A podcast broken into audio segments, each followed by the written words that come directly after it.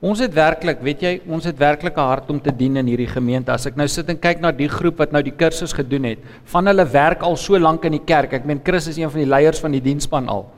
En hy het nou eers die kursus gedoen. So ons uh, ons is dankbaar vir mense wat hand opsteek en sê Here, hier is ek. Gebruik my. Goeiemôre. Ek was so lank klas in die kerk gewees. Sis Ek was so lank klas wie wie dit gesê. Steek jou vir koffie na die tyd dom. Ek was so lank klas in die kerk gewees, ek voel ek moet myself amper weer voorstel.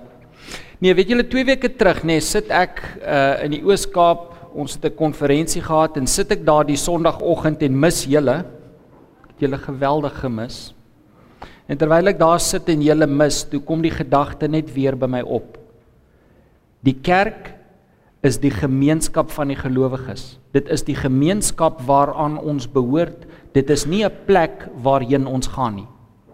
Ons sal goed sê soos ons gaan Sondag kerk toe, maar wat ons eintlik bedoel is, die kerk kom Sondag hiernatoe, né? Nee? Ons is die kerk. Ons is die lede van Christus se liggaam. Nou dit beteken nie dat hierdie Sondag boodskappe, uh Sondag vergaderings of Woensdae Bybelstudies dat dit onbelangrik is nie. Inteendeel, Dit is wanneer ons so bymekaar kom soos hierdie wat ons opgebou word in die woord. Wat ons mekaar kan uitdaag om nader aan die Here te lewe, wat ons mekaar kan bemoedig en aanmoedig in hierdie wedloop wat ons aan deelneem. In Hebreërs 10:25 sien ons die woord sê dat ons nie die bymekaar koms van die gelowiges mag verwaarloos nie, maar dat ons eerder mekaar sal aanmoedig om daarheen te gaan want dit is hier waar ons uitgedaag word, dis hier waar ons opgebou word, dis hier waar ons bemoedig word. In die preekreeks waarmee ons besig is, sewe tipes gelowiges, kyk ons dan na die sewe briewe wat die Here aan sy gemeentes in die boek Openbaring geskryf het. Dit is briewe waarin die Here hulle uitdaag, bemoedig, aanmoedig. En in hierdie reeks kyk ons na wat die lesse is wat ons kan leer uit daardie briewe. In die eerste boodskap van die reeks, dit was die brief aan Efese. Het ons gesien hulle was die gemeente wat hul eerste liefde verlaat het, né? Nee? Laasweek het Dominee Johan met ons gepraat oor Smyrna, die gemeente wat vervolg was vir hul geloof. En vanoggend kyk ons na die derde brief en die derde gemeente. Dis die gemeente in Pergamum, die gemeente wat die wêreld gevolg het. Kom ons sluit die oë. Here, dankie vir u liefde en genade. Dankie Here dat ons hier by mekaar kan wees rondom u woord.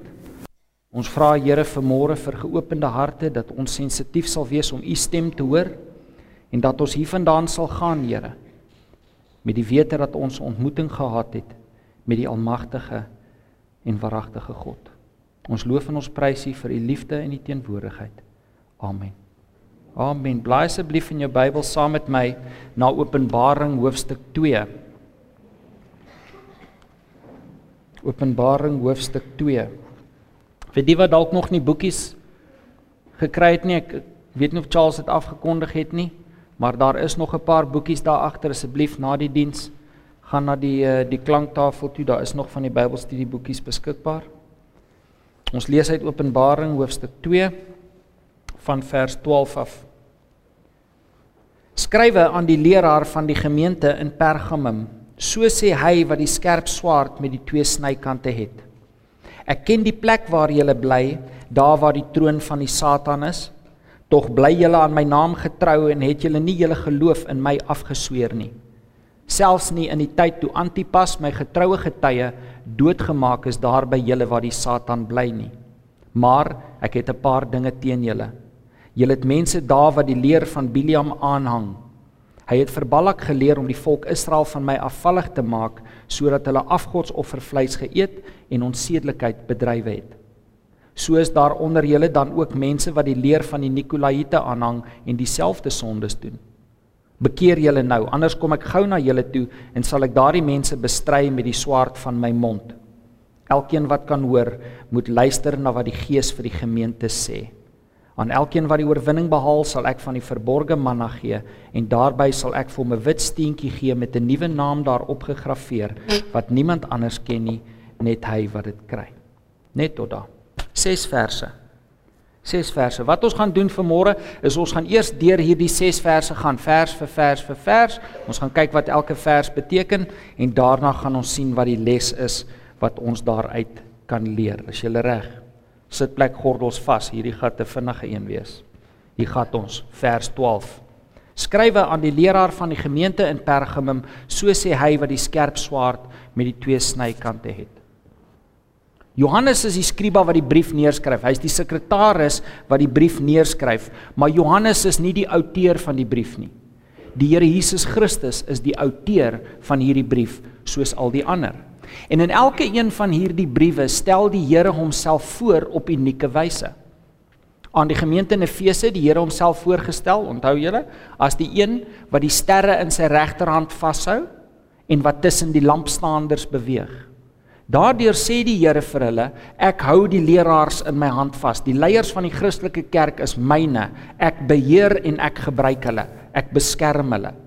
En hy beweeg tussen die lampstanders. Die Here is betrokke by sy gemeentes. Die Here is nie daar ver nie. Hy is betrokke in die gemeentes. Aan die brief uh aan die aan die Christene in Smyrna stel die Here homself voor as die eerste en die laaste die een wat dood was en weer lewe. En daardeur sê die Here vir hulle, hoorie julle word vervolg vir julle geloof. En party van julle gaan dalk julle lewens verloor. Maar moenie vrees nie, want ek is die ewige lewe. Wie sy lewe neerlê, gaan die ewigheid nog steeds saam met my deurbring. Hier stel die Here homself voor as die een met die swaard met twee snykante. En daardie swaard dui op die Here se gesag sy autoriteit as regter om oordeel te vel. In die Bybelse tyd was die simbool van die regsbank die swaard met twee snykante gewees. In ons tyd is die simbool van die regsbank, wie weet? Weegskaal. Die weegskaal is ons simbool. Vir hulle was dit die swaard. So deur homself so voor te stel, weet die Christene in hierdie gemeente onmiddellik die Here is nie tevrede met hulle nie. Die Here kom en hy sê as ware ek kom na julle toe as 'n regter wat kom oordeel vel. Maar ek onthou op skool, ek was seker in standaard 8 of 9 en ek sê die een Sondag na kerk vir my pa, ek wil by 'n vriend van my gaan kuier. Die vriend se naam was Beer, was 'n baie groot ou gewees. Ek wil by Beer gaan kuier. Nee sê my pa, daar gat jy en toe gaan kuier ek vir Linda. En soos dit nou sal gebeur terwyl ek by Linda sit en koffie drink, toe kom klop beer aan ons deur. Hallo oom, is Alex hier? So jy weet my pa nie waar ek is nie en hy weet nou ek het vir hom gejok. Nou ja, ek het dit nie geweet nie, maar toe ek daardie middag 5uur by die huis instap, ek sal dit nooit vergeet nie. Toe ek so by die huis instap, toe sien ek daar sit my pa in televisie kyk met net so 'n lang rotang op sy skoot. Toe dink Stein homself lekker gesit en opwerk vir die TV die hele middag. Maar my pa hoef niks te gesê het nie toe ek hom sien met die rottang, toe weet ek hier is perde vanmiddag. En dit is half wat die Here hier doen. Deur homself voor te stel as die regter, weet die pergameese. Die Here is nie tevrede met hulle nie. Vers 13. Ek ken die plek waar julle bly, daar waar die troon van die Satan is. Tog bly julle aan my naam getrou en het julle nie julle geloof in my afgesweer nie selfs nie in die tyd toe Antipas my getroue getuie doodgemaak is daar by julle waar die Satan bly nie. Ek weet waar julle julself bevind sê die Here. Ek weet julle is omring deur afgodsdiens en goddeloosheid. Ek weet dat julle onder geweldige kulturele druk verkeer om weer deel te neem aan daardie sondes, om weer deel te neem aan die dinge van die ou lewe. En tog weet ek hoe getrou julle is aan my so getrou dat een van julle self sy lewe neergelê het eerder as om my te verloon. Is dit nie 'n mooi kompliment nie dat die Here vir hulle sê julle is getrou tot die dood toe? Mag die Here dit van ons kan sê in verdrukking en lyding. Nou ek wil nie nou ingaan op wat dit beteken dat die troon van die Satan daar was of dat die Satan daar gebly het nie. Die Bybelstudie boekie het bietjie agtergrond inligting oor die stad Pergamum. Dit kan dui op die aanbidding van die keiser uh wat baie belangrik was in daai stad. Dit kan dui op die aanbidding van Zeus, die Griekse god. Die grootste altaar tot Zeus wat ooit gebou was, was gebou in hierdie stad Pergamum. Dit dui miskien daarop. Ons is nie seker nie, Maar wat vir ons belangrik is om te weet is dat hierdie stad so boos was dat die Here daarna kon verwys as die plek waar die duiwel sy troon het. Dis nie letterlik nie, hoor. Die duiwel het nie regtig daar gebly nie. Jy kan vandag soontoe gaan, daar's 'n Turkse dorp daar met die naam Bergama. En ek belowe jou die duiwel bly nie daar nie. Die Here sê daardeur hierdie stad is boos, so boos, dis asof die duiwel daar bly. En tog was hierdie Christene getrou. Mag ek net sê, daar is geen boosheid wat ware geloof kan smoor nie. Geen boosheid nie. Vers 14. Maar ek het 'n paar dinge teen julle. Julle het mense daar wat die leer van Biliam aanhang. Hy het vir Balak geleer om die volk Israel van my afvallig te maak sodat hulle afgodsoffervleis geëet en onsedelikheid bedrywe het. So is daar onder julle dan ook mense wat die leer van die Nikolaïte aanhang en dieselfde sondes doen. Een is 'n Ou Testament voorbeeld, een is 'n Nuwe Testament voorbeeld, maar die sonde is dieselfde. So wat is die sonde? Wel, in Numeri 22 tot 24 lees ons die verhaal van Balak en Biliam. Balak was 'n Moabitiese koning en hulle het oorlog gemaak met Israel en Balak wou Israel vernietig. Hy kry toe vir Biliam wat 'n soort profeet is en hy offer hom geld om Israel te kom vervloek. En 3 keer het hulle probeer om dit te doen, maar hulle kon dit nie regkry nie. Toe kry Biliam 'n plan. As hy nie sy geld kon verdien verdien deur 'n vloek op Israel te plaas nie, dan sou hy sy geld verdien deur Israel te vernietig deur die sonde. Hy gaan toe na Balak toe en hy sê vir hom: "Hoorie, verlei die Israeliete tot die afgodsdiens deur die mooi Moabitiese vrouens te gebruik. En dit is presies wat gebeur het. Die Israeliete is verlei deur die mooi Moabite, Moabitiese vrouens. Hulle het begin deelneem aan die afgodsdiens en kort voor lank was Israel verval in onsedelikheid en allerlei boosheid. Moses verwys daarna in Numeri 31 as die ramp wat Israel getref het. Ek het 'n paar dinge teen julle sê die Here. Julle het mense daar wat die leer van Biliam aanhang. Die leer van Biliam was die sonde. Wat is die leer van Biliam? Die leer van Biliam, hoor mooi, is die idee dat die volk van God met die wêreld kan handjies vat en niks sal oorkom nie. Dis die idee dat ons die heiligheid waartoe ons geroep is kan prysgee sonder om iets oor te kom dat ons kan kies wat se dele van die woord ons gehoorsaam en watter nie. Die leer van Biliam is die lering dat ons op die Sabbat tempel toe kan gaan, maar ook saam met die Moabitiese vrouens kan lê en dat ons dit alles kan doen sonder om ons geestelike krag en lewe te verloor. Die leer van Biliam is 'n lering van kompromie met sonde in hande vat met die wêreld. En wat sê die Here daarvan? Vers 16: Bekeer julle nou. Anders kom ek gou na julle toe en sal ek daardie mense bestry met die swaard van my mond. Die King James stel dit so: Bekeer julle nou. Anders kom ek gou na julle toe en sal ek oorlog teen hulle maak. Dit is nie 'n verskriklike gedagte nie die almagtige God wat kom oorlog maak teen mens. Dis so ernstig hierdie saak vir die Here is van kompromie met die sonde. Nou ek glo nie dat die mense wat uh, die Here net nou gekomplimenteer het op hulle getrouheid dieselfde mense is wat hulle self skuldig maak aan die kompromie nie. Dink daaraan. Iemand wat bereid is om toe te gee oor 'n saak, gaan mos nou nie sy lewe daarvoor af lê nie. Né? Nee? As jy bereid is om toe te gee oor 'n saak, gaan jy verseker nie jou lewe daarvoor gee nie. Nee, kyk weer na vers 14.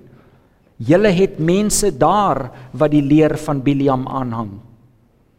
Die Here skryf hierdie brief aan die getroue Christene in die stad Pergamum en hy sê vir hulle: "Julle getroues, julle het mense daar by julle wat nie getrou is nie. Mense wat bereid is om met die sonde hande te vat. Mense wat bereid is om die waarheid van my woord prys te gee ter wille van samesyn met die wêreld. En dit wat ek teen julle het, is dat julle daardie mense nie aanvat nie. Julle laat dit toe. Hoor mooi. Dit wat ek teen julle het is dat julle toelaat dat mense binne julle geleedere 'n lering van kompromie met die wêreld versprei. Vers 17 Elkeen wat kan hoor, moet luister na wat die Gees vir die gemeente sê. Aan elkeen wat die oorwinning behaal, sal ek van die verborgde manna gee en daarbey sal ek vir hom 'n wit steentjie gee met 'n nuwe naam daarop gegraveer wat niemand anders ken nie, net hy wat dit kry. Moet asseblief nie na die tyd vir my kom vra wat is daardie naam nie. Net hy wat dit kry weet. Anders sou die Bybel gesê het net hy wat dit kry en Alex. Kyk, ek het al 'n ek het al 'n paar mense gehad wat my vra, maar wat staan die naam? Sê ek weet nie. Net hy wat dit kry weet. Dis 'n moeilike vers om te verstaan, maar daar is 'n paar dinge wat ons uh, wat ons kan sien. Die verborgde manna waarvan hier gepraat word. Toe Israel in die wildernis gewandel het, toe die Here hulle mos gevoer met manna uit die hemel. Hulle het van daardie manna gevat en hulle dit binne in die ark gesit. Dis die verborgde manna en ek glo dit is simbolies van Jesus Christus, die ware brood van die lewe. En die wit steentjie, wel, in die Romeinse spele wat hulle gehad het daai tyd, jy weet soos die Olimpiese spele, het elke wenner van 'n item as deel van sy prys het hy 'n wit steentjie gekry met sy naam op. En daardie steentjie het dan gedien as sy toelatingskaartjie tot die partytjie, die feesmaal wat na die tyd gehou was vir al die oorwinnaars. Al die oorwinnaars, groot partytjie gehou na die tyd en dan het jy nou jou wit steentjie gebring en dit was jou jou toelating tot daardie feesmaal. Aan elkeen wat die oorwinning behaal, sal ek van die verborgde manna gee en daarbey vir hom 'n wit steentjie met sy naam opgegraveer. So wat sê die Here hier? Die Here sê aan elkeen wat vas staan in sy geloof, aan elkeen wat nie hande vat met die wêreld nie, aan elkeen wat geanker bly in die waarheid, sal ek van myself op unieke wyse gee. Ek glo dit wat die Here hier sê. Wat sê die Bybel in Jakobus? Nader tot God en hy sal tot jou nader. Ek glo die Here sê hier aan almal wat nie kompromie met die wêreld aangaan nie. Aan hulle sal ek van myself op besondere wyse gee. Broer en suster, daar is 'n intimiteit wat net 'n Christen wat vas staan in sy geloof kan ervaar met die Here. As jy moeg vir 'n flou, vreugdelose geloofslewe, het jou geloofslewe vir jou geword soos ou kougom? Jy weet wanneer kougom nuut is, is dit soet, is baie lekker. Maar soos die tyd aangaan, hou jy maar aan kou, maar jy proe naderhand niks lekker meer nie. Het dit jou geloofslewe geword? Ek wil jou vanmôre bemoedig. Begin opstaan vir die Here. Begin standpunt inneem vir die waarheid van God se woord. Begin weerstand bied teen daai gewoonte sonde in jou lewe en kyk hoe die vreugde van die Here weer in jou hart opborrel. En dan sê die Here ook aan elkeen wat so vas staan, sal daar 'n ereplek wees by die bruilofsmaal. Ek glo nie die bruilofsmaal in die hemel gaan gehou word om 'n ronde tafel nie. Hou julle koning Arthur en sy ridders, hulle het om 'n ronde tafel gesit, nê, nee, almal was gelyk. Ek glo nie dat dit so gaan wees met die bruilofsmaal nie. Ek glo daar gaan sitplekke wees wat nader aan die hoof is as ander. En die Here sê hier vir hulle wat vas staan op die woord, vir hulle wat nie toegee aan die wêreld en die sonde nie vir hulle wag daar 'n ereplek by daai. So, nou dat ons weet wat die verse sê, wat kan ons vanmôre hier uithaal op die raamwerke? Op die raamwerke. Nommer 1. Ons is geroep tot heiligheid.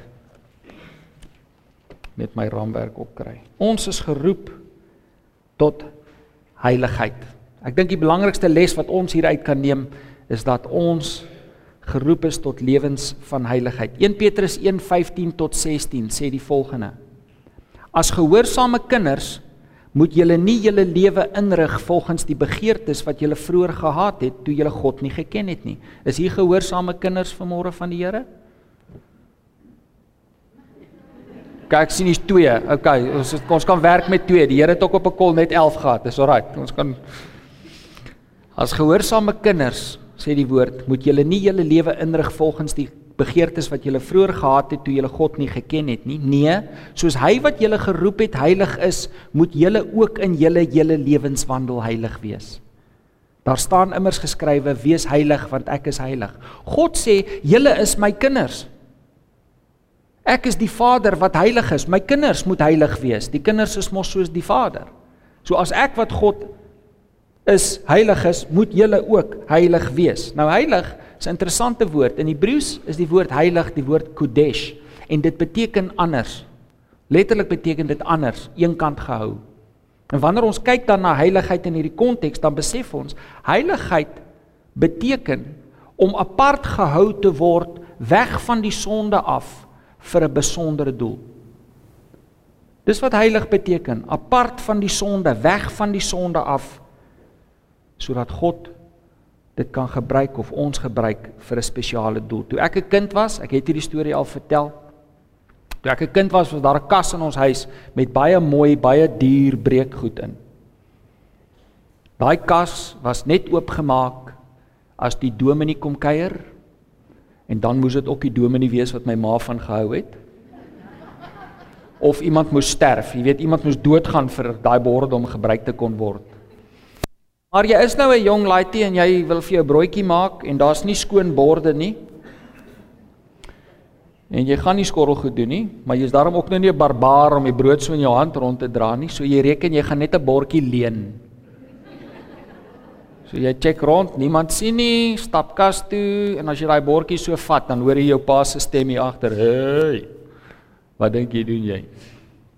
Jy weet hoe heilig is jou ma op daardie breekgoed. Né? Nee?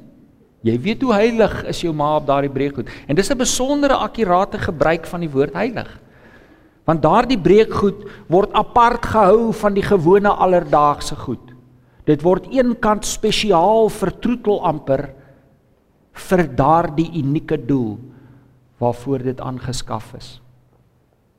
En so moet ons lewe. Wanneer die Here sê wees heilig, dan sê hy hou jouself apart van die sonde sodat ek jou kan gebruik. Broer en suster, die kerk van die Here Jesus Christus is 'n spieël wat sy beeld aan die verlore wêreld moet weerkaats. Wanneer mense na ons kyk, moet hulle Christus in ons kan sien. En wanneer ons nie heilig lewe nie, dan word ons woorde en ons doen en late word 'n struikelblok tussen die verlorenes en die ewigheid. Want 'n vuil spieël kan nie 'n beeld mooi akkuraat weerkaats nie. Hulle moet 'n akkurate beeld van ons God in ons lewens kan sien. Antieke Israel, die boek in die Bybel waar die woord heilig die meeste voorkom, dink ek is die boek Levitikus. Ek praat nou onder korreksie. Ek dink net nou daaraan.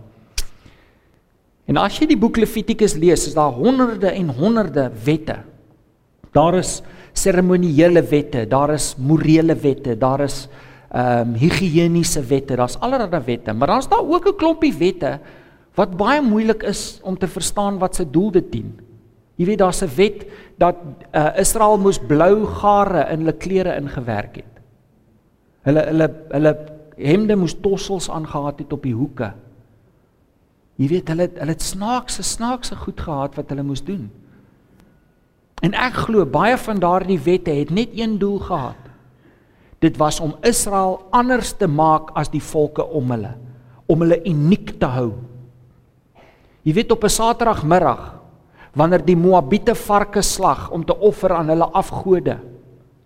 Dan was Israel met hulle snaakse klere en snaakse hare en snaakse gewoontes, was Israel by die tabernakel besig om God te aanbid.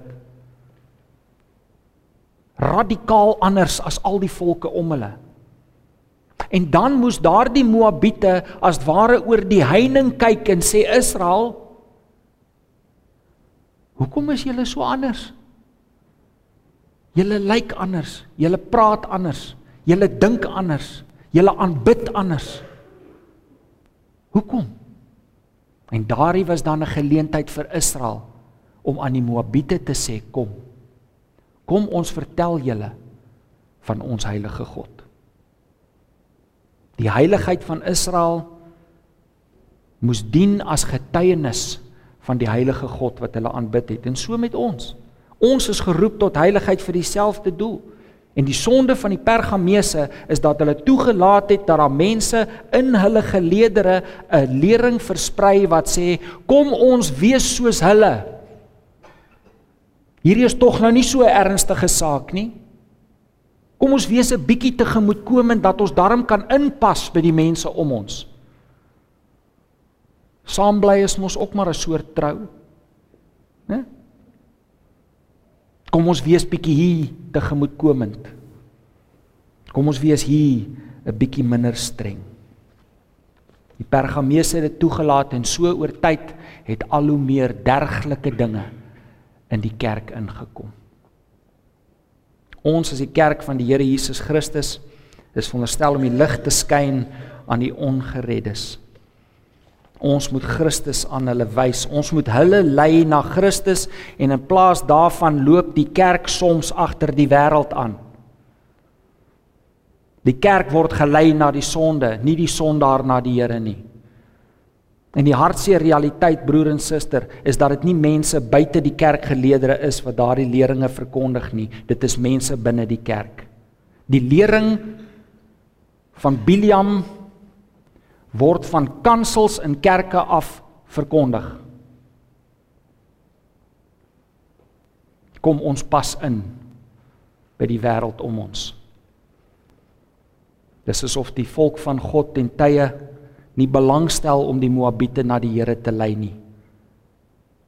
Ons wil eerder deelneem aan hulle sonde. Ons wil tog met hulle maatjies maak sodat hulle van ons sal hou.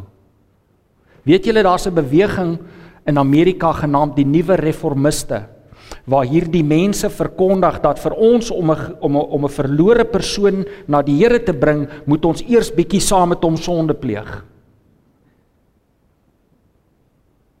So as jy 'n broer na die Here wil lei, moet jy eers saam met hom bietjie sy sonde gaan beleef sodat jy weet sodat hy met jou kan vereensgewig.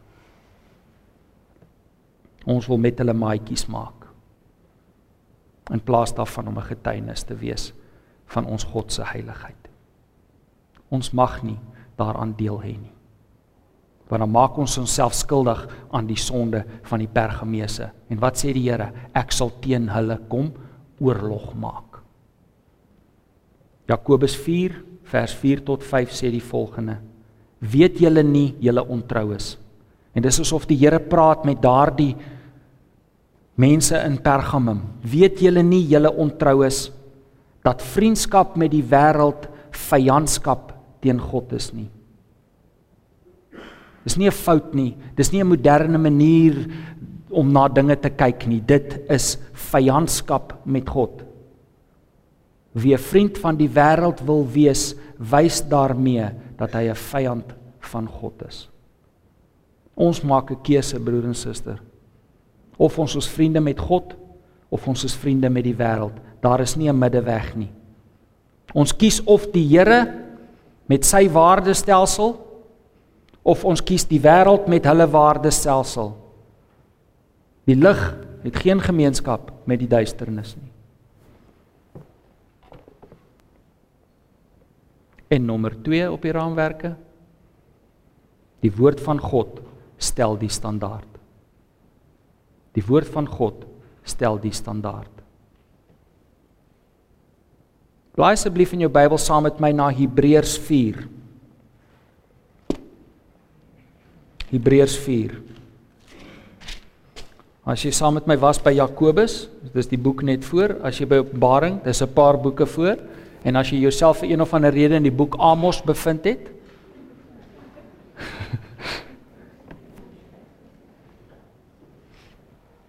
Hebreërs 4 vers 12 en 13. Die woord van God is lewend en kragtig.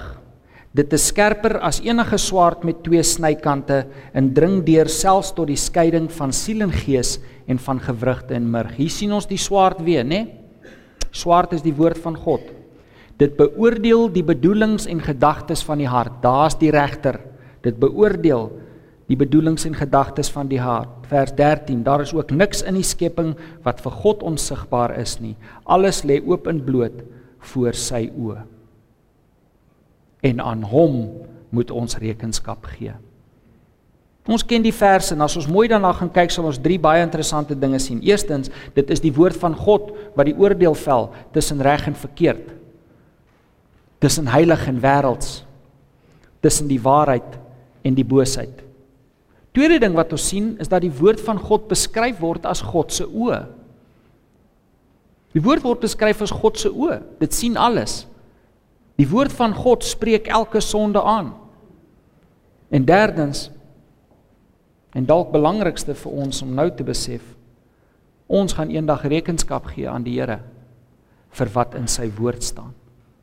Ons kan rekenskap aan die Here gee gebaseer op sy woord van God. Broer en suster, wanneer ons eendag voor die troon van die Here te staan kom, gaan al ons slim argumente en verskonings soos kaf in die wind verdwyn. Ons gaan nie voor die troon van God kan staan en sê ja Here, ek weet dit het so in u woord gestaan, maar ek het dit nou nie so gesien nie. Ja Here, ek weet dit het in u woord gestaan, maar dis nie hoe ek groot gemaak is nie. Ja Here, ek weet dit het so in die woord gestaan, maar ons kerkraad het besluit dat ons dinge anders gaan doen. Daardie argumente gaan nie voor die Here werk nie. Ons gaan aan hom rekenskap gee gebaseer op wat in sy woord staan en niks anders nie. Dit is die woord van God wat oordeel vel oor die sonde. Het jy ooit 'n broer in liefde probeer vermaan en hy sê vir jou moenie jy my oordeel nie. Né? Ons mag nie oordeel nie. Die woord van God oordeel die sonde. Die woord van God is die tweesnydende swaard. Al wat ons doen as die kerk van die Here Jesus, wanneer ons sê dit is sonde, dan is dit nie ons wat oordeel nie. Al wat ons doen is om saam te stem met die Here se oordeel wat hy reeds gevel het. Ons maak 'n keuse. Of ons stem saam met die woord of ons stem saam met die wêreld.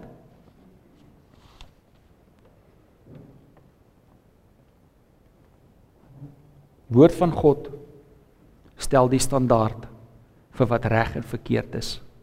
Niks anders nie. Niemand anders nie. Die standaard vir wat reg is word nie gestel deur 'n predikant of 'n kerkraad nie. Dit word nie gestel deur 'n sinode nie. Geen meerderheidsbesluit kan die waarheid van die woord van God wegstem nie. God se woord is skerper as enige tweesnydende swaard. Sola scriptura. Onthou julle dit? Ons het die kerk deur hierdie vroeg gehad dat ons die bordjies vasgeslaan met die beginsels van ons geloof en een van hulle was sola scriptura. Die woord van God alleen stel die standaard. Ek weet hierdie is nie 'n maklike ligte boodskap nie. Maar die Pergamees het dit ook nie so ervaar nie. Want die saak wat die Here hier aanspreek is nie 'n bysaak nie. Hierdie is 'n baie baie ernstige saak. Ons kan nie en ons mag nie met die wêreld hande vat nie. Broer en suster, ons mag nie. Ons as die kerk is die liggaam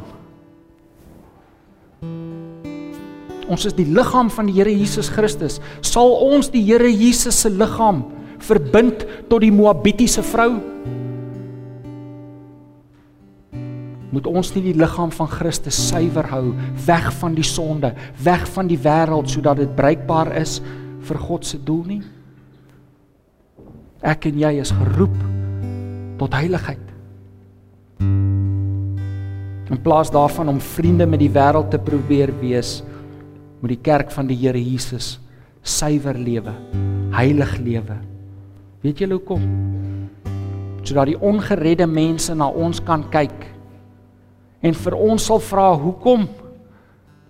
Christen, hoekom is jy so anders? Jy dink anders, jy praat anders, jy tree anders op. En dan is ons geleentheid om vir hulle te sê kom. Kom. Ek vertel jou van my heilige God. Amen. Kom ons sluit die oë. Here, dankie vir u liefde. Dankie Here vir u genade. Dankie Here vir u uitdagende boodskap wat ons roep tot heiligheid. Ons vra vir genade, Here. Ons vra dat U ons die moed sal gee om op te staan in U naam, om vas te staan op U woord, U kosbare woord, Here, wat vir ons die waarheid wys. Hierdie woord is waar. En ons dankie dat U dit aan ons toevertrou het. Ons loof en ons prys U Here vir U getrouheid in ons lewens. Amen. Amen. Amen. Kom ons staan. Kom ons staan en loof die Here.